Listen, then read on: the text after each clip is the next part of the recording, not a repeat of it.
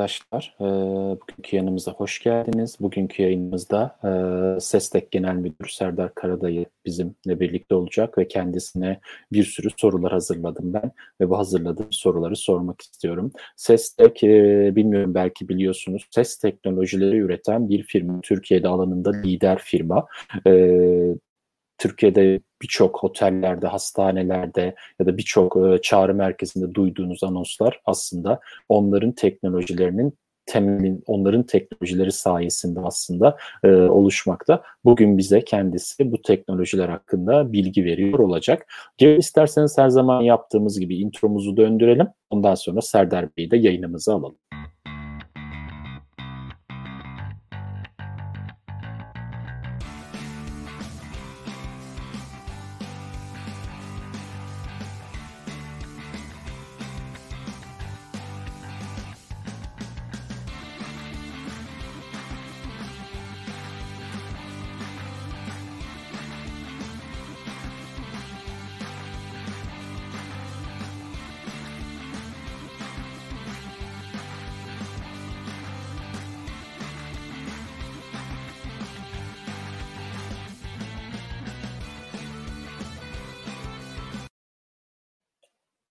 Evet arkadaşlar biz hazırız yayına. Hadi Serdar Bey'i de yayına alalım ve konuşmaya başlayalım. Merhaba Serdar Bey. Merhaba Barış Bey. Nasılsınız? İyi sağ olun. Sizler nasılsınız? Sağ olun ben de iyiyim. Çok teşekkür ederim. Hoş Pandemi geldiniz. döneminde ne kadar iyi olabilirsek o kadar iyiyiz. Aynen aynen gerçekten öyle. İstanbul biraz sorunlu gerçekten şu anda. İstanbul biraz evet, pik yaptı şu anda. Aa, rakamlar da çok yüksek. Ee, bayağı tedbirli olmamız lazım. Doğrudur. Hatta bizim yılbaşında gelme planımız vardı. Onu da böyle birazcık gözden de geçirmeye doğru gidiyoruz. Bakalım ne yapacağız yani. Biletlerimizi evet. bile almıştık işin açıkçası ama. Allah gelirsiniz geri dönemezsiniz falan. Benden size tavsiye biraz ortalık stabil olana kadar kalmanız. Aynen aynen. Şey dikkatimi yasaklar getiriyor. Evet şey dikkat edecek 28 bin falan çıkmış galiba e, ölen kişi sayısı. Londra'da İngiltere'yi falan geçmiş galiba. Öyle bir şeyler e, Vaka sayısı ama. 30 binlerde. Ölü sayısı evet. 160-170 deniyor. Hı hı. İşte vaka sayısını açıklamıyorlardı belli bir süredir. Şimdi onu da açıklamaya başladılar ama bu zaten bilinen bir şeydi. Yani vaka sayısının çok olduğu. Ağır evet. hasta sayısını açıklıyorlardı. Evet. Oldukça yüksek tabii dünyadaki oranlara göre. Yani Amerika ile neredeyse aynı oranlar, nüfusu oranlar. Doğru, doğru. Vallahi her şeyin en e, iyisini dileyelim ülkemiz için ya. Evet. Diyecek bir şey yok şu anda yani. Aynen. Aşıyı bekliyoruz dört gözle. Aynen. O zaman şöyle başlayalım isterseniz. Ee, ben her zaman e, konuklarıma şu soruyu soruyorum. Birinci, bize kendinizi tanıtır mısınız diyorum. Ee, sizin ağzınızdan Serdar Karadayı kimdir bir dinleyelim. Ondan sonra ben sorularımı sormaya başlayayım. Teşekkürler. Serdar Karadayı 1978 e, doğumlu. E, üniversite bitirdikten sonra SESTEK'le beraber SESTEK'in kuruluşundan kısa bir süre sonra SES'in kurucusu Profesör Doktor Levent Arslan, Boğaziçi'nde öğretim üyesi. O zamanlar Geveze ve SESTEK markalar adında iki şirket vardı. Ee, üniversite mezun olduktan sonra katıldım bir startup evet, o zamanlar. Şu anda 20 yılımız oldu artık scale up'ız. Ee, yüksek teknoloji üretiyoruz. Ben de burada çeşitli kademelerde görev yaptıktan sonra şu anda genel müdür olarak e, hizmet veriyorum. E, pazarlama ve üretim alanında da masterliyim. E, ben teknolojinin müşteriye dönük tarafındayım genel müdür olarak. Yani yazılım kökenli değilim. Firmamızda 100 kişiyi aştı. Dünyada Türk teknolojisinin e, değer üretmesine katkıda bulunuyoruz. E, yüksek teknoloji alanı dediğimiz ses teknoloji ve yapay zeka alanında çalışıyoruz. Evet, süper. Vallahi harika. Peki o zaman SESTEK hakkında da biraz bilgi aldık. O zaman biraz artık daha derin konuya gidelim istiyorum. Şu hani konumuzun ana başlığı olan e, ses biyometrisi ve doğal dil işleme konularına açıklık getirebilir miyiz? Bunlar ses ürünlerinin kalbinde yatan teknolojiler mi? Tam olarak bunlar nedir? Biraz hani bize anlatırsanız sevinirim. Tabii. Bizim şimdi SESTEK olarak ses teknolojileri ve yapay zeka alanında ürettiğimiz temel çekirdek teknolojiler var. Bunu e, şöyle tanımlayalım. Çekirdek teknolojilerimiz neler bizim? Konuşma tanıma yani speech recognition diye e, bildiğiniz yani konuşmadan yazıya e, dönüşme. Yazıdan sese dönüştürme dediğimiz text to speech. Sesten kimlik doğrulaması yapan sizin ses biyometrisi olarak adlandırdığınız voice biometrics teknolojisi. Yine NLP, NLU diye tabir edilen e, bu camiada doğal dil işleme teknolojisi. E, e, onun dışında e, call recorder, IVR teknolojileri gibi yine çağrı merkezine yönelik temel teknolojilerimiz var. Bu temel teknolojilerin bir veya birkaçını birleştirerek oluşturduğumuz ürün ailelerimiz var Sestek'te. Bu ürün ailelerini her birine ayrı bir şirket, her birine ayrı bir gemi olarak düşünelim. Bir ürün ailemiz bizim e, diyaloğa dayalı yapay zeka yani e, conversational solutions dediğimiz e, ailenin içerisinde e, insan makine iletişimini e, geliştirilen teknolojiler üretiyoruz. Biz buna conversational AI diyoruz. E, burada e, siz bir insanla yaptığınız diyaloğu bir makineyle yapar hale geliyorsunuz. Somut örnek vermek gerekirse bir bankayı aradığınızda bugün, yani Türkiye'deki birçok bankada Sestek çalışıyor. İşlemlerinizi tuşlamak veya müşteri temsilcisiyle yapmak yerine konuşarak işlem yapıyorsunuz. Siri gibi düşünebilirsiniz Apple'daki Siri gibi.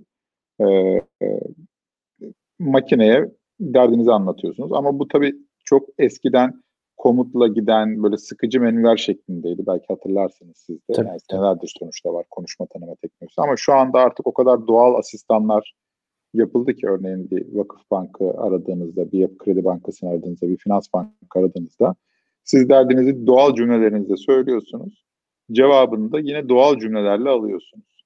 Örneğin işte geçen gün yolda yürürken kredi kartımı kaybettim gibi işin doğal akışında bir komuta uygun olmayan akışında bir e, cümle söylediğinizde makine bunu rahatlıkla anlıyor ve cevabını size üretiyor.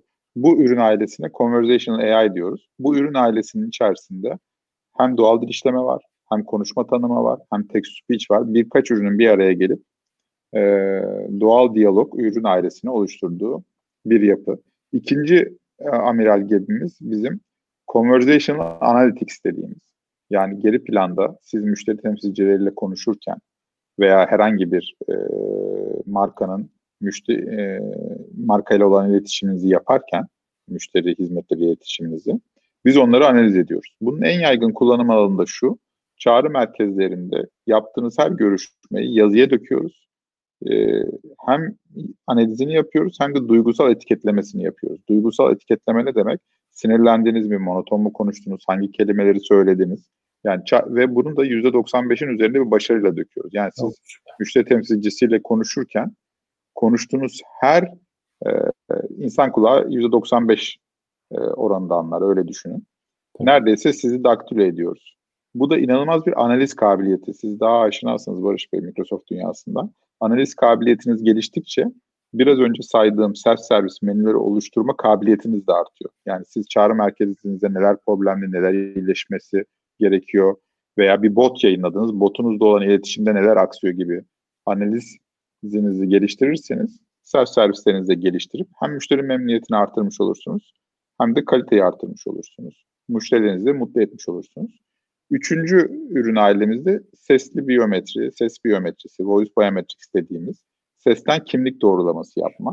Sesten kimlik doğrulaması da bir biyometrik yöntemdir. Genelde çok kişi tarafından bilinmez çünkü en çok bilinen yöntem parmak izidir, yüz tanımadır. Ama ses de bir biyometrik veridir. Yani sizin sesiniz de size özel bir e, DNA'dır aslında. E, dolayısıyla bunun hem aktif hem pasif olanını yapıyoruz. Aktif ve pasif olan biyometri nedir? Siz bilinçli olarak bir cümle söyleyerek e, bir yere giriş yapabilirsiniz. Anahtar bir cümleniz olabilir. İşte benim sesim kimlik kaydımdır gibi. Ya da siz arka planda konuşurken çağrı merkezinde sizin doğrulamanız yapılabilir. Bu neyi sağlar? Birincisi güvenliği sağlar. Yani fraud gibi e, olasılıkları düşürür. Hem de sizinle daha hızlı iletişim kurmasını sağlar markanın. Yani size garip sorular sormaz. Annenizin kızlık soyadının 5. 6. harfi gibi komik. Hani siz bazen böyle elinize saydınız veya... Galiba o da yasaklandı değil mi? Yeni galiba 1 Ocak'tan itibaren anne kızlık soyadı sorulması. Evet işte o yasaklandı Hı. ve biyometrik çözümlere gidilmesi evet. gerekti. Özellikle bankacılıkta BDDK'da. Bizim evet. çünkü %60-70 e, teknolojilerimiz finans endüstrisinde çalışıyor. Yani genelde bizim müşterimiz banka, telekom, çağrı merkezi gibi e, alanlar. Genelde bu iş alanlar. imzalanacak galiba bildiğim kadarıyla. Yani Biz zaten birkaç bankada yapıyoruz. Hı hı. Ee, ses biyometrisi kullanmak zorunda değilsiniz. Başka biyometrik veriler de kullanabilirsiniz. Görüntülü arama yapıyorsanız ama telefonda sesten başka yol yok. Evet. Dolayısıyla bizim için çok lehimize bir teknoloji hem yönetmelik hem de e, teknoloji olarak. Şu anda zaten biz e, hem işte operatör, bir, bir operatörümüzde iki tane bankamızda zaten uyguluyoruz. Birkaç bankayla da görüşüyoruz. Ee, ileride de zaten bu biyometrinin gittiği yolda multi-factor authentication dediğimiz yani size e, yüz tanıma da yapabilir, ses tanıma da yapabilir. Bunların ikisini mix de kullanabilir. Yani bulunduğunuz ortama göre. Örneğin bir kioskta doğrulama yapıyorsanız hem yüzünüzden tanır hem sesinizden tanır. Tamamen güvenli bir giriş yapabilirsiniz. E, ses biyometrisi alanında da e, onun dışında tabii adli tıp gibi kurumlarda da kullanılıyor forenzik amaçlı. Yani bu ses gerçekten kendi kişinin sesi midir gibi. E, bir de e, blacklist identification dediğimiz kara liste saptama yani şüpheli ses dosyaları var elinizde. Arayan kişi gerçekten bunların arasında var mı? Çünkü çağrı merkezlerinde dolandırıcılık gibi yöntemler de deneniyor e, hacklenmek amacıyla. E, ses biyometrisi bu alanlarda da kullanılabiliyor. Anladım. Doğal dil işlemeden de bahsettim ama yine isterseniz bir iki cümleyle doğal dil işleme nedir hani onu Tabii da ki. anlatayım. Doğal dil işleme de e, conversation AI dediğimiz yani doğal diyalog çözümlerinde en çok kullanılıyor ama biz conversation analytics'te de kullanıyoruz aslında. Doğal dil işleme de aslında sesi yazıya döktünüz ama ne anlamak ne ne anlatılmak isteniyor burada? Anlamını çıkaran teknoloji. Örneğin evet. siz uzun bir cümle kurdunuz.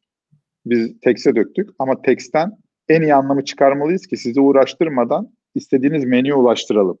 Yani kredi kartımın limitini öğrenmek istiyorum dediniz. Kredi kartı ile ilgili belki 20 tane işlem var menüde. Ama siz limit öğrenme menüsüne gittiniz. Limit artırmaya değil, limit öğrenme menüsüne gittiniz. Bu da doğal dil işleme olarak tanımlanabilir. Evet anladım anladım. Peki şu merak ediyorum aslında. Şimdi e, Türkiye'de çıkan bir firmasınız. Peki yurt dışını düşündüğümüz zaman diğer ülkelerde bu teknolojiler aktif bir şekilde kullanıyor mu yoksa Türkiye olarak biz ileride miyiz bunlarla sizlerin sayesinde? Onu aslında merak ettim ben. Güzel soru. Ee, şu anda tabii birçok gelişmekte olan ve gelişmiş ülkelerde bu teknolojiler çok yaygın olmaya başladı. Özellikle dijital transformasyon projelerinin e, bel kemiğinde veya en e, ana gündemi olarak bu tür teknolojiler kullanılıyor. Ama Türkiye olarak biz şunda çok ilerideyiz, buna eminim. Teleko yani örneğin ses biyometrisi konusunda bizim telekom operatörlerimiz ilk kullanmaya başladı ve dünyadaki en büyük hacimleri bizim telekom operatörlerimiz sağladı. Ee, diğer conversational teknolojilerde de bizim bankalarımız çok ileride. Çünkü bankacılık sistemimiz gerçekten çok iyi. Hem IT altyapısıyla çok iyi bankalarımız. Hem de teknolojik olarak e, yeni teknolojileri adaptasyon konusunda çok iyi. Yani hiç old fashioned değiller. Hani bütün teknolojileri adapte etmeye e, de çok hızlılar. Dolayısıyla bizim Türkiye birçok konuda önder oldu diyebiliriz bankacılık altyapısıyla. E, zaten yabancı bankalar da çokça var ülkemizde biliyorsunuz. E, ben örneğin Amerika'nın çok ilerisinde olduğumuzu düşünüyorum bankacılık altyapısıyla. Ama tabii bazı alanlarda da diğer e, gelişmiş ülkeler e, ileride. Ama tabii ki bizim rakiplerimiz, bizim teknolojilerimizi üretenler son yıllarda çoğaldı. Yani Google'dan Microsoft'a kadar herkes bu alana girmeye başladı. Siz de biliyorsunuz zaten IBM'dir. Tabii tabii zaten Amerika ayrı bir dünya. Yani Amerika'da çipli kart sistemi 2-3 sene önce gittiğimizde o biz çipli kartlara geçtik arkadaşlar. Çiple de şey yapabiliriz sonra deyip hava atıyordu bize.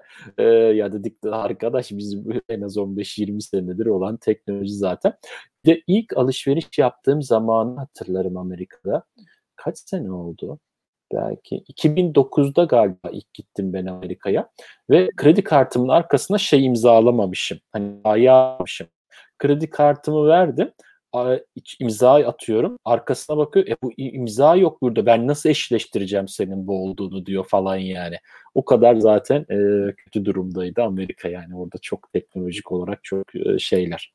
Altyapı olarak eski altyapıları kullanıyorlar. Hala yenilemiyorlar. E, biraz öyle. İngiltere bir daha iyi durumda nispeten Amerika'ya Evet, İngiltere'ye biz de yeni giriş yaptık. İngiltere biraz daha ileri durumda. Benim de gördüğüm o. Evet, evet, aynen.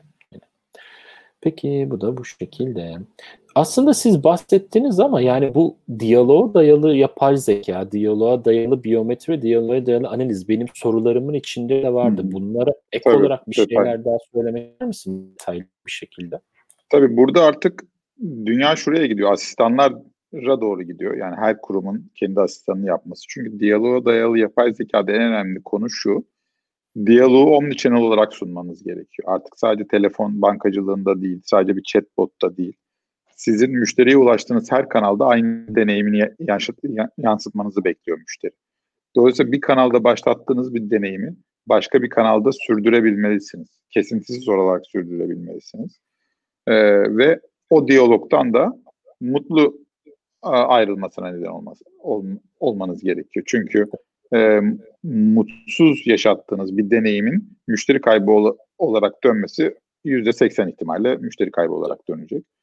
Dolayısıyla omnichannel müşteri deneyimi ve bu asistanlar dünyası bence geleceğin en önemli topiklerinden birisi. Ee, bütün markalar yani bu sadece bankacılık değil, müşteri sayısı çok olan birçok marka, birçok grup, yani Hilton otelleri de bir asistan çıkarıp Hilton otelleriyle ilgili birçok iletişimini oradan yürütecek bence gelecekte. E, bu asistan sesli olabilir, yazılı olabilir fark etmez ama sonuçta aynı deneyimi yaşatmasını bekleyeceğiz. Anladım, anladım. Yani diyaloğa dayalı yapay zeka aslında sadece hani şey anlamında düşünmemek lazım. Ses olarak değil bir omnichannel platformun da temelini oluşturuyor diyebiliriz. Temelini oluşturuyor. Aynen. Benim anladığım. Ve sürekli öğrenen bir yapı olması lazım. Yapay zeka da çok popüler tabii herkes kullanıyor biliyorsunuz. Tabii, Ama tabii. gerçekten öğrenen bir yapı olması lazım. Eski diyaloglardan e, öğrenip gelişmesi bir mikroorganizma aslında bizim kurduğumuz ürünler. Böyle yerinde sayan buraya kurduk 1960'lardaki işte sanayideki gibi değil. Hani kurduğunuz bir ürünün sürekli kendini de geliştirmesi gerekiyor. Tabii. Tabii tabii. Zaten şu anki günümüzün en büyük olayı bu. Artık kendi kendine öğrenebilmesi e, sistemlerin yapay zeka sayesinde. Ee, mesela şey dikkatimi çekmişti yalnız ya. İngiltere'de bir e, şey okumuştum, makale okumuştum. Yüz, yapay zeka yapıyorum diyen, yapay zeka ürünleri sunuyorum diyen firmaların %70'inde aslında yapay zekaya dair evet. bir yazılım yokmuş. Sadece işte bir takım e, döngülere bakarak gene klasik Aynen. kodun içindeki döngülerle ilerliyorlarmış. Yani e, çok şey şaşırmıştım buna yani. E, ilginç bir durumdu ama sizin tamamen yapay zeka ile öğrenme sistemleri ve ona göre diyalog e, yönetebilme sistemleri tabii e, inanılmaz tartışılmaz güzel sistemler. Yani her alanda biz de yüzde yüz her şey yapay zekaya odaklı demiyoruz. Hibrit yapılar kuruluyor. Internet recognition'larda işte e, ama e, yapay zeka gerçekten de biraz abartılıyor. Yani bir hype var. Yani Google'ın en yakın e, verdiği termin 2025. Yani insan gibi anlaması, insan gibi evet. yapabilmesi 2025. Ama insanlar yapay zeka deyince en büyük yanılgı şu oluyor. E, yapay zeka her şeyi yapacak. Yani evet. ben vereceğim makineye. Yani mesela biz botlar kuruyoruz. Müşterilerde bazen şu algı var. Siz botu buraya koyun, e, yazışın, kendi kendine öğrenip yapsın. Öyle bir dünya yok. E, buna en somut verdiğim örnek şu. Microsoft Twitter'da bir bot çıkardı ve yazışın. O kendi kendine size cevaplamaya başlayacak dedi. E, bot iki gün sonra kapandı. Neden? Çünkü Hitler hayranı e, bir bota dönüştürdüler. Çünkü yapay zeka yanlış da eğitmeniz çok mümkün yanlış bilgilerle. Dolayısıyla burada hibrit bir yapının yani supervised bir yapının olması gerekiyor. Ee, yapay zekanın nasıl öğreneceğini de sizin sonuçta öğretmeniz gerekiyor. Ee, orada da kontrollü bir yapı öneriyoruz her zaman. Kesinlikle. Ama mesela bizim kurduğumuz başka yapay zeka sistemleri var. e, datayı eğitiyoruz. Datayı eğittikten sonra tasniflemeyi kendi yapıyor. Mesela şikayet yönetiminde kullanılıyor bir bankada. Şikayetleri kategorize ediyor, ilgili departmanlara issue ediyor. E, burada yapay zekayda öğrettiğiniz geçmişteki data, geçmişteki etiketlenmiş, e, adreslenmiş datadan öğrenip kendisi daha iyi bir şekilde tasnifleme yapıyor. Ne yapıyor? İnsan iş gücünün yerine makine iş gücü kullanmış oluyorsunuz. Tabii. tabii. Yani süper. Peki o zaman birazcık daha şu diyaloğa dayalı biyometrinin e, detaylarına girebilir miyiz bu noktada o zaman? Tabii. E, biyometride başlangıçta da birazcık bahsetmiştim. Biyometri sizin sesinizden kimlik, kimlik teyidi yapmanıza e, yarıyor. Bu kimlik teyidini yapmanızın da işte identification, verification gibi terimler kullanılıyor. Ee, birkaç farklı yöntemi var. Birincisi aktif biyometri dediğimiz yani siz bir kapı düşünün. Açıl susam açıl dediğinizde belirli bir komutu verdiğinizde açıl susam açıl cümlesini Serdar Karadayım söylemiş. Sesteki 160 170 farklı parametreye bakıp yani, yani bizi, beni taklit etmeniz veya şey yapmanız önemli değil. Ses gerçekten unik bir değer. Gırtlaktan çıkan e, ses.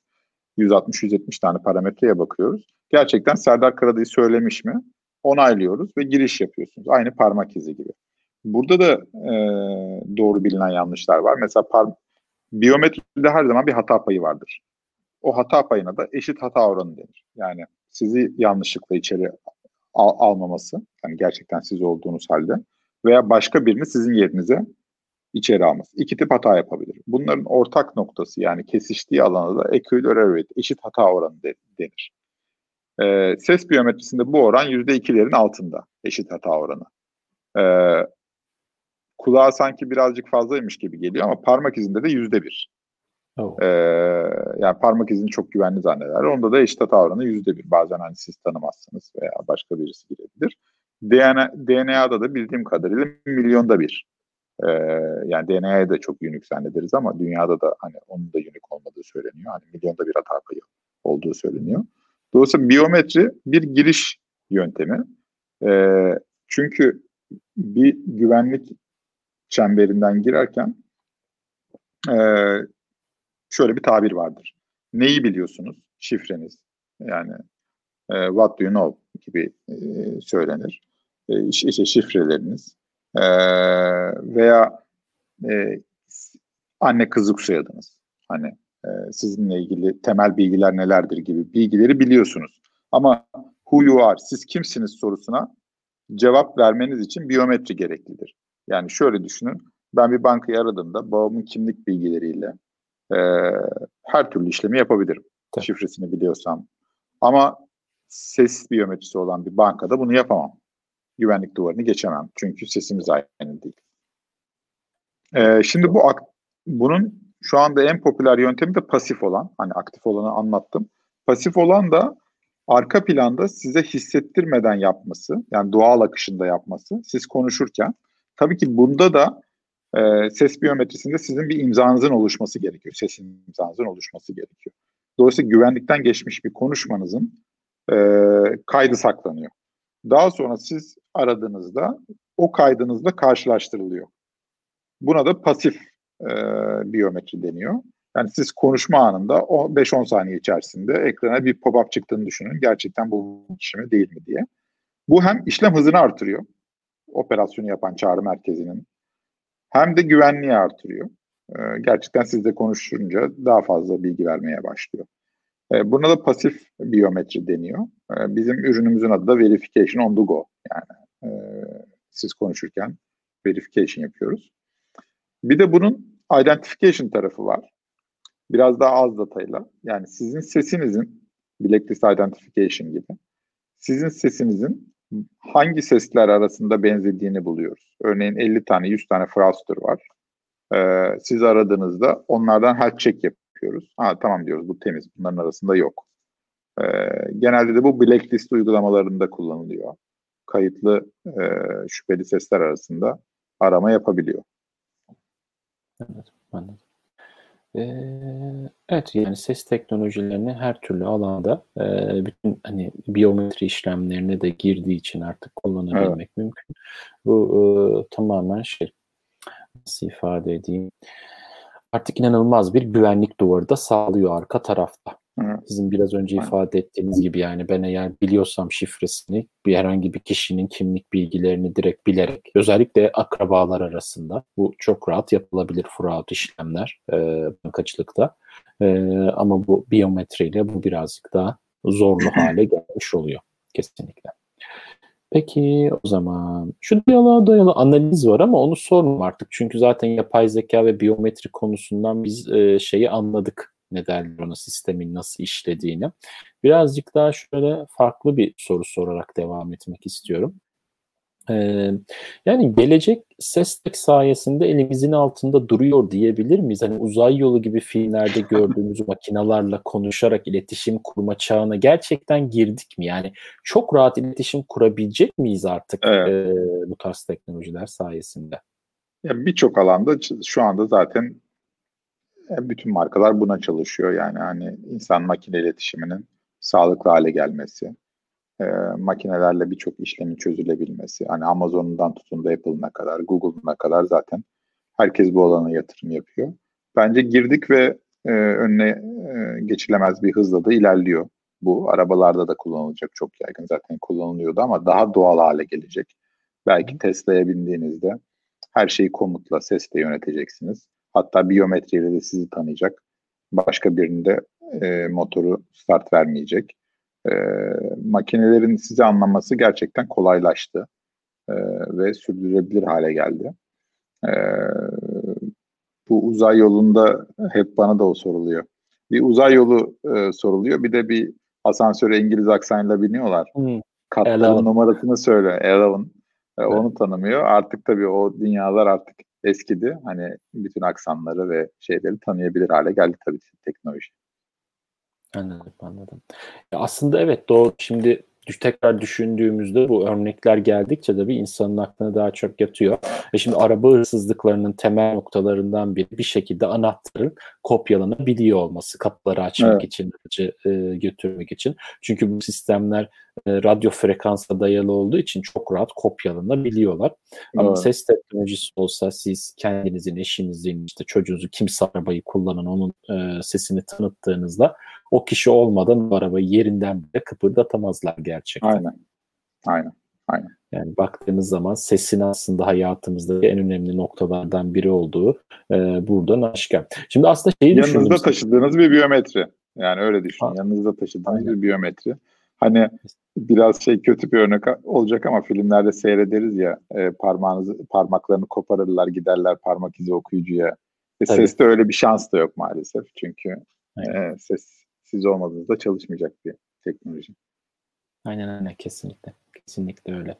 Yani mesela şey aklıma geldi siz böyle deyince benim arabada da var mesela bir tane düğme hani sesle komut vermek için işte radyoyu aç kapat ne bileyim navigation'a gir falan filan gibi ama hiç kullanmadım bugüne kadar açıkçası. Ee, sanıyorum şey ne derler ona orada diyaloğa dayalı e, kısımlarda elimizde firmalar evet birazcık daha e, şeyler daha onu oturtamadılar arabalarda ama bence araba firmalarının en düşünmesi gereken şeylerden biri özellikle sesli arabaların ilerlemesi falan şeklinde. Belki ne bileyim yayınımızı dinleyen birileri bir IoT device yapar da arabalara takılınca böyle çalışmalarını e, çalışmasını engeller o kişi değilse falan ne bileyim hırsızlığı indirebilir bu sayede. Çünkü biliyorsunuz bu tarz yayınlar insanların evet. ufuklarını e, açıyorlar gerçi evet. açıyor gerçekten yani belki birileri yapar sesimizi. Türkiye'de de biz bir e, şirketle çalışıyoruz. Daha önce de çalışmıştık. Hani denemeler yapıyoruz. ARGE projeleri yapıyoruz. Ama mesela araçlarla ilgili son bir şey söyleyeyim. Genelde bilinenin aksine aracın içi ses teknolojileri için e, olumsuz bir yerdir. Çok fazla sizin duymadığınız gürültü vardır araç içinde. Doğru. Motor yani kulağınıza duymazsınız ama ses teknolojileri için. Dolayısıyla oradaki mikrofon teknolojileri çok ön plana çıkıyor. Yönlü mikrofonların olması, sizin sesinizi alıp dışarıdaki sesin izole etmesi gibi konular giriyor. Ee, mesela siz telefon aran örnek vereyim. iPhone'daki mikrofon teknolojisi daha iyi çalışır. Gerçi şimdi son teknoloji telefonlarda hepsinde iyi olabilir ama eskiden böyleydi yani. Samsung'dakilerde falan biraz daha konuşma tanıma daha iyi çalışmayabilir. Çünkü Apple'ın mikrofonları da yönlüdür. Hani Siri daha iyi çalışsın diye. İşte iki tane mikrofon koyar gerekiyorsa bir tanesi sesleri absorbe eder, bir tanesi sizin sesinizi alır. E, dolayısıyla konuşma tanıma diyaloglarını tasarlarken sizin e, sesi aldığınız ortam da çok önemli. Örneğin gidip bir ortamda çok gürültülü bir ortamdan alınan sesleri yazıya dökemezsiniz. Ee, sesi ne kadar yani kaynağı ne kadar temiz alırsanız ses teknolojileri veya doğa doğal diyaloğa e, o kadar başarılı halde ulaşabilirsiniz. Anladım, anladım. Evet, mantıklı. Kesinlikle kaynağında önemli. Peki o zaman hadi birazcık daha da konu değiştirelim. Hep sesten konuştuk. Peki chat tabanlı çözümleriniz de var mı sizin? Hani chat e, olarak bir şeyler yapıyor musunuz? Yazıya evet, chat yani bizim aslında Conversational AI dediğimiz platformumuz bizim ses, chat e, hepsini aynı platformda eritebildiğimiz bir ürün ailesi. Chatbotlar dediğimiz çok popüler tabii bu ara. Chatbot deyince çok e, birazcık da şey kendimi kötü hissediyorum. Çünkü Türkiye'de bile bin tane e, chatbot firması varmış ama biz hani biz kendimizi chatbot firması olarak değil bir conversation AI kampanya olarak gördüğümüz için. Ama tabii ki biz de text tabanlı çözümler çokça uyguluyoruz. Bankalarda da uyguluyoruz. İşte örnekleri de var şu anda. E, girdiğinizde e, bazı bankalarda, bazı kurumlarda, e-ticaret şirketlerinde e, genelde chatbot deniyor bunlara. Ama bizim kurduğumuz bot teknolojisi, chatbot teknolojisi ses ekleyebilirsiniz. IVR'da da çalıştırabilirsiniz, web sitesinde de çalıştırabilirsiniz, WhatsApp'ta da çalıştırabilirsiniz, Teams'te de çalıştırabilirsiniz. Ne bileyim İK Bot işbirliğimiz var bir kurumla. İK Botu olarak e, servis ediyorlar şirketlere. E, dolayısıyla text tabanlı çözümlerimiz var. Text tabanlı çözümlerin olması çok doğal çünkü biz zaten NLP'de çok uzman yani doğal dil işlemede çok uzman bir şirketiz. E, yaptığımız platform da e, çok rahat uygulanabilir bir platform. Dolayısıyla gelecekte bu çözümler de yaygınlaşacak. Çünkü ses ne kadar yaygınsa yazışmak da o kadar yaygınlaşıyor. Yani WhatsApp'la beraber X, Y jenerasyonu, Z jenerasyonu dediğimiz X değil de Y ile Z jenerasyonu dediğimiz kişiler oldukça yazışmayı kullanan, oldukça WhatsApp gibi platformları kullanan e, jenerasyonlar. Hatta ileride belki telefonla aranacak müşteri hizmetlerinin sayısı azalacak. Hani tamamen e, mobil telefondan ulaşılabilir. Hani WhatsApp üzerinden, Twitter üzerinden. Dolayısıyla buradaki çözümlerin de e, gayet akıcı ve doğal diyalog şeklinde ilerlemesi lazım. Evet, evet. Ama buna sadece chatbot deyince Barış Bey e, bir şirketin IT departmanında ben chatbot yaptım deyip sürüyor. Hani bir FAQ botundan ileriye geçmiyor yani. Orada bir doğal dil işleme falan yok. Sadece anahtar kelime yakalayıp size basit pop-up'lar çıkarmaktan öte geçmeyen birçok çözüm var. Evet evet. Ee, orada önemli olan işte NLP o doğal dil işleme evet. e, gerçekten sizin oradaki çözümünüz daha da bir ön plana çıkıyor aslında. Kesinlikle. Peki bakalım müşteri de, dıt dıt dıt. Peki şunu sormak isterim size. Hani bu Covid-19 sayesinde firmalar ses tek teknolojileri gibi teknolojilerin öneminin farkına vardılar mı? Hani Covid size bir fırsat yarattı mı aslında? Bunu sormak istedim. Tabii Covid şimdi ya bir kere teknoloji sektörü Covid'den çok olumsuz etkilendi diyemeyiz. Hani teknoloji zaten e, hatta ya, yani Covid'in bizim gibi şirketlere katkıları bile oldu. Katkıları nedir? Bizim çalıştığımız çok biz B2B çalışıyoruz. Yani kurumsal markalarla çalışıyoruz. Bankalar gibi, telekom şirketleri gibi. Ee, uzaktan bağlantıyla yürütülebilen işler sayısı güvenlikten dolayı sınırlıydı. Ama şu anda uzaktan herkes çalıştığı için dünyada onlar da uzaktan iş yapabilmeyi öğrendiği için bizim gibi e, teknoloji hizmet sağlayıcıları için inanılmaz bir dönüşüm oldu. Yani bizim inan e, müşterilere gidiş maliyetimiz azaldı, support maliyetlerimiz düştü. Yani müşterilere daha hızlı bağlanıyoruz, daha hızlı destek olabiliyoruz. E, bu işin e, operasyon tarafı. Ama teknoloji tarafında inanılmaz katkıları oldu. Kısa vade diyemem ama orta vade ve uzun vade diyebilirim. Çünkü kısa vadede her şeye e, shutdown oluyor biliyorsunuz. Hiçbir şeye yatırım yapılmıyor. Ama orta ve uzun vadede dijital dönüşümü e, çok hızlandırdı. Tabii ki biz dijital dönüşümü anlıyorduk veya e, anlatıyorduk.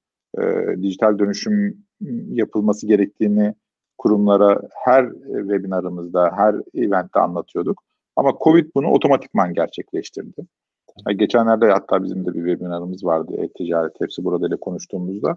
Sanıyorum 3 ayda 2 e, yılda gelecekleri noktaya geldiler hani rakamsal olarak. Dolayısıyla hani bu geri dönülemez bir şey. Tekrar eski günlere dönülmeyecek. O siparişler düşmeyecek veya e, işte botlar tekrar geri çekilmeyecek veya insana yatırım yapalım demeyecek. İşte çağrı merkezleri dünyası. İçindeyiz biz. Çağrı merkezleri yıllardır eve taşınamaz deniyordu. Hani bir ay sürdü. Hepsi eve taşındı. Bütün çağrı merkezi temsilcileri. Demek ki olabiliyormuş teknolojik yatırımla, teknoloji yatırımıyla. Dolayısıyla bize inanılmaz katkıları oldu gelecek açısından. Kesinlikle. Ya bur buradan Afrika'daki bir şirketle çok rahat iş yapabiliyoruz. Biz zaten yapabiliyorduk ama zorlukları vardı tabii gitmek, gelmek vesaire gibi ama şu anda herkes dünyada uzaktan iş yapmayı, uzaktan eleman çalıştırmayı, uzaktan personel çalıştırmayı öğrenmiş oldu. Kesinlikle. Ee, yani şey aklıma geliyor. Hani firmalar janjanlı mağazalar açmak için AVM'lerin içerisinde birbirleriyle e, yarışırlardı. Ama Hı. öyle bir noktaya geldik ki e, sa- ya bırakıyorum hepsi burada falan filan gibi hani global e, ya bütün firmaların var olduğu pazar yerleri e, gibi böyle sahibinden.com gibi yer siteleri kendilerinin açtığı küçük e-ticaret siteleri bile yine bir mağaza kadar kar ettirmeye başladı evet. Bu noktaya geldi. Ki ben Aynen. çok büyük mobilya diye bir firmanın e, altyapısını kurduğum için biliyorum. E, orada şunu derler sadece ya yıllar önce bunu diyorlardı yani bu 10 10 yıl önce falan söyledikleri cümleydi. Bir mağaza kadar kar ediyoruz e, e-ticaret platformundan. Hatta daha evet. karlı. E, çünkü şey maliyet yok ne derler ona. E, operasyonel maliyeti çok fazla Maliyet. değil. E, yani e-ticaret platformları çok iyiydi. O firmayı şimdi duymak isterim işin açıkçası. Yani bundan 10 yıl sonra kim bilir e, ne oldu. Bütün mağazalarını kapatmak bile istiyor olabilir belki yani. Evet e, böyle şeyler gelmeye başladı. Hatta şey bile çok ilginç bildiğim kadarıyla Tesla bir mağazalarını kapattı. Ya da kapatma evet. yolunda ilerliyor. Yani araba satacak, çok arabaya marka. bakacaksınız. Birçok marka. Ee, yani birçok AVM de tabii ki dönüşecek. Yani tabii ki yok olmasın. Hani o, o da gerekli. Sosyallik de gerekli. Hani tabii, tabii. E, restoranlar da gerekli. Sonuçta iş yerleri bir anlamda sosyalliğin de merkezleri. Ama bu dönüşümün önüne geçilemez. Yani e, yeni bir e, nesil geliyor, yeni bir teknolojik evrim geliyor. Dolayısıyla hani bu her şeyin internetten, mobilden döndüğü bir dünya oluyor. Ona adapte olan daha iyi hayatta kalır. Adapte olamayan biraz daha tökezler diye düşünüyorum. Doğru, doğru. Kesinlikle öyle. Peki Biraz cevabını verdiniz ama tekrar küçük bir cevap alabilirim. Bu COVID-19'la başlayan evden ve uzaktan çalışma kültürü yerleşir mi eskiye dönme konusunda böyle bir e, ne olur? Sizde %50 %50 mi olur? %75 geri döner merkez? Nedir bir düşünceniz var mı bu konuyla? Valla ben ben biraz daha eski kafalıydım. Benim bile kafa yapım değiştiğine göre hani ben çok Türk kültürüne uygun değil diye düşünürdüm evden çalışma.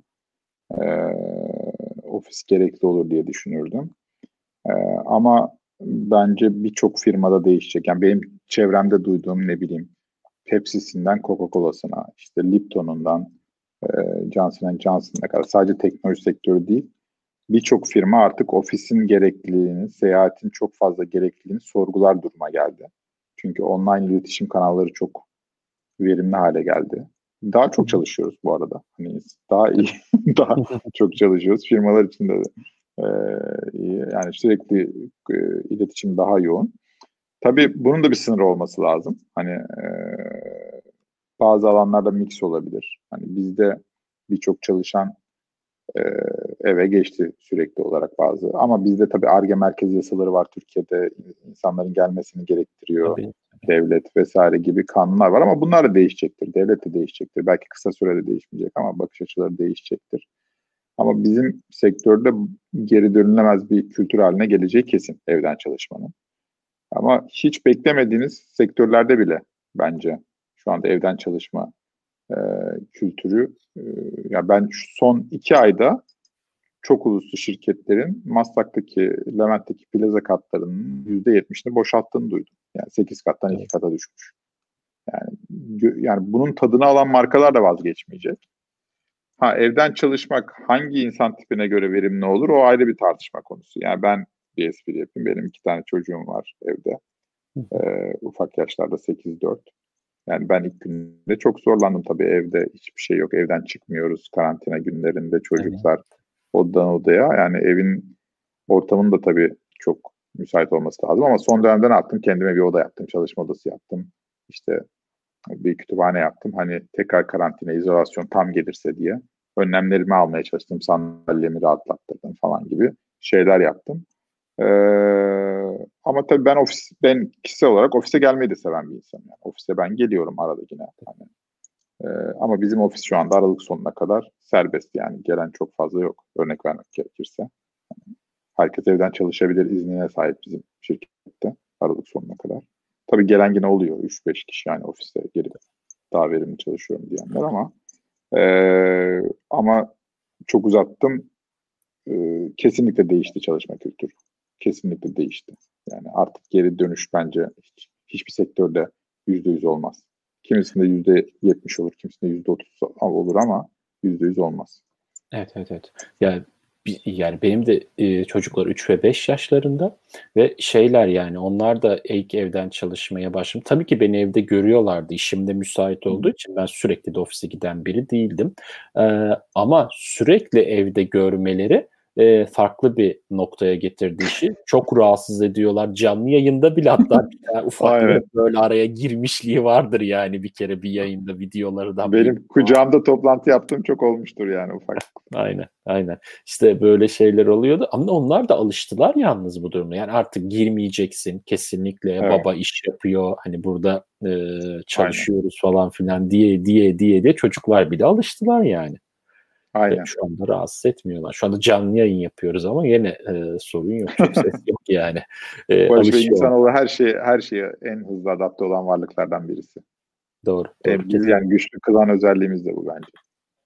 Kesinlikle işte Covid bunu gösterdi ki işte evet. bu e, tarz evden çalışma ortamlarında insanlar e, alışkanlık haline getirdiğinde çevre değişkenleri de buna bağlı olarak tabii ki e, düzenlenebiliyor ve sorunsuz aslında çalışılabiliyormuş. O plaza katları falan çok da aynı gerekli değilmiş. Bizler bile çok janjanlı ofislerde oturmak için, oralarda yer tutmak için sıraya giriyorduk ama çok da şey değilmiş bunu da gördük. Gerekli olmadığını görüyoruz yavaş yavaş.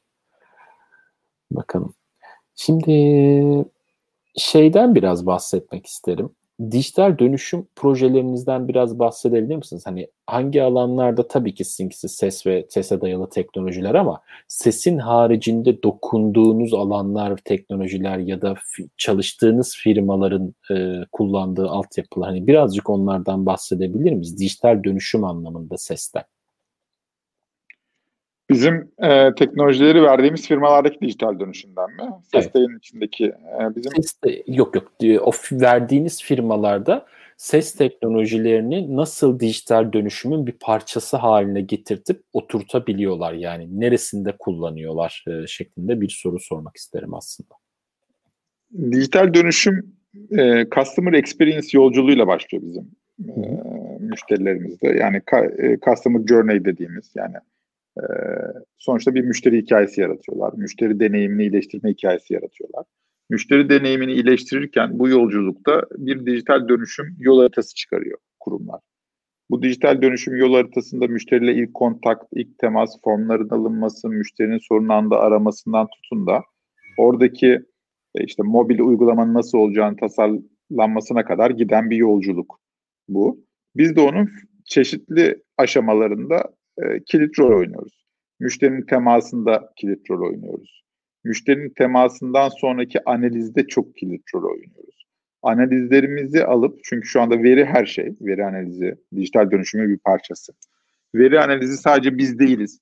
Başka veri analiz platformlarıyla entegre olarak dijital dönüşümde e, bir rol oynuyoruz. Yani bizden alınan bir data var. Başka e, atıyorum mağazadan alınan bir data var. Bunlar birleşiyor birleştikten sonra müşterinin yol haritası çıkıyor. E, ne bileyim bir örnek vereyim atıyorum. E, her ay üç kere çağrı merkezini aramış ve işte her ay beşin üzerinde mağaza ziyareti yapmış kişilerin ortak özellikleri. Hani behavioral analiz dediğimiz davranış özellikleri nelerdir? Bunlara ne yaparsak bunların önüne geçebiliriz. E, gibi analizlere kadar gidebiliyor.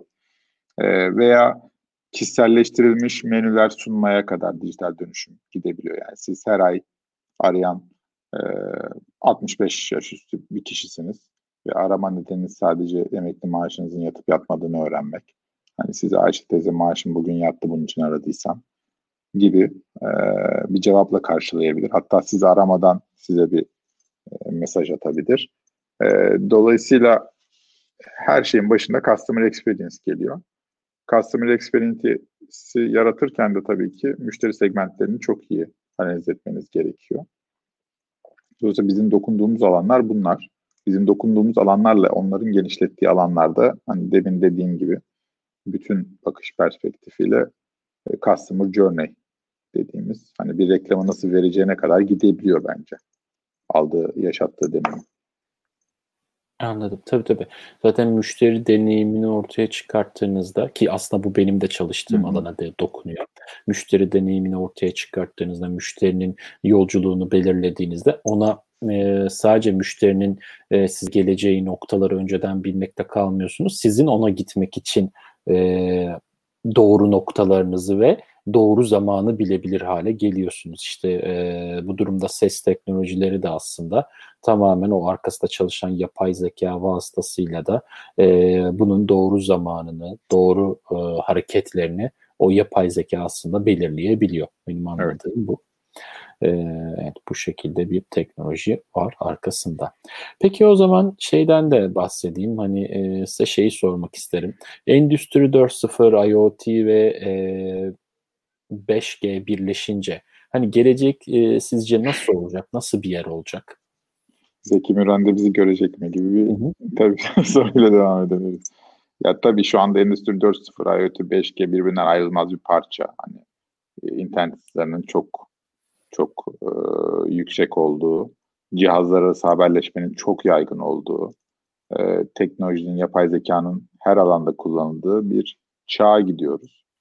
E, burada birçok, yani tarım tarımdan tutun da e, birçok farklı alana kadar teknolojinin yararını göreceğiz. Hani atıyorum e, birbiriyle haberleşen antenler, birbiriyle haberleşen sulama cihazları, birbiriyle haberleşen e, uydu cihazları sayesinde siz tar- tarlanızdan bile en yüksek verimi alacaksınız belki.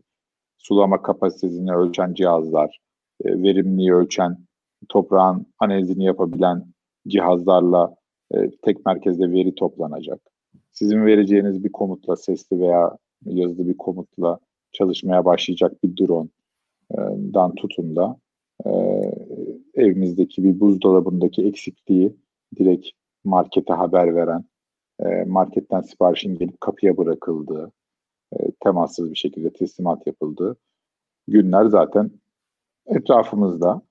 Dolayısıyla hani gelecek bazı insanlar için çok kaygı verici ama verimli olarak kullanıldığında insanlara da çok fazla iş alanı açıyor bence. Hani insanların en çok tedirgin olduğu şey her şeyi makineler yapacak ama o makineleri kodlayacak, teknolojiyi kullandıracak insan alan insan ve iş gücüne de çok ihtiyaç olacak. Kesinlikle.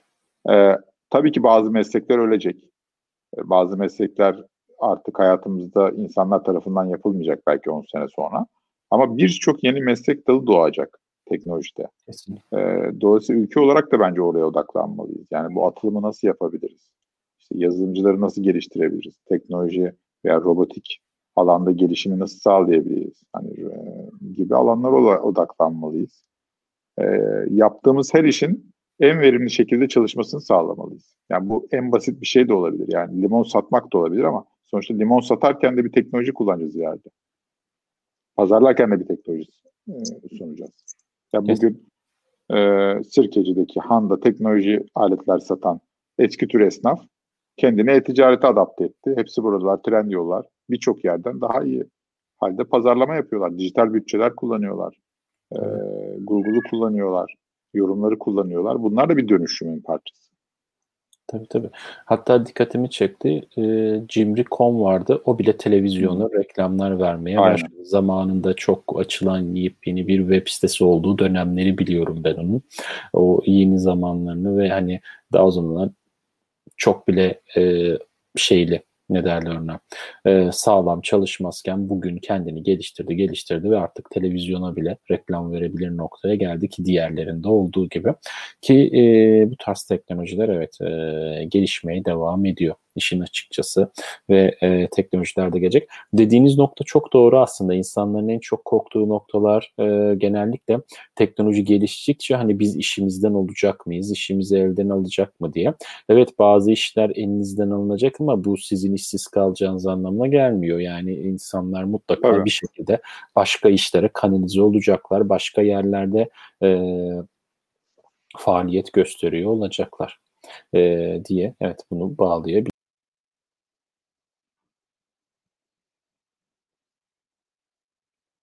Bey.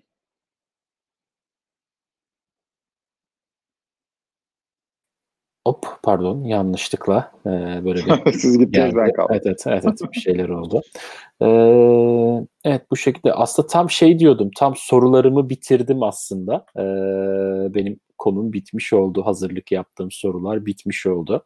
Ee, bunlar böyle bakalım bakalım bakalım. Böyle birkaç tane daha soru var ama onları da zaten hani konu içinde cevapladığınız için onları tekrar hani sormak istemiyorum. E, Valla hani yorum yapmak isteyen, ondan sonra soru sormak isteyen varsa e, bekleriz sorularınızı ve yorumlarınızı e, arkadaşlar e, yayınımızı yoksa artık yavaş yavaş sonlandırma aşamasına da gelelim. Sizin eklemek istediğiniz bir şeyler var mı? Son cümleler olarak böyle hani ne demek istersiniz bizlere? Yo yani benim de ben de her şeyden bahsettiğimizi düşünüyorum. Güzel ve keyifli bir yayın oldu. Teşekkür ederim Barış Bey.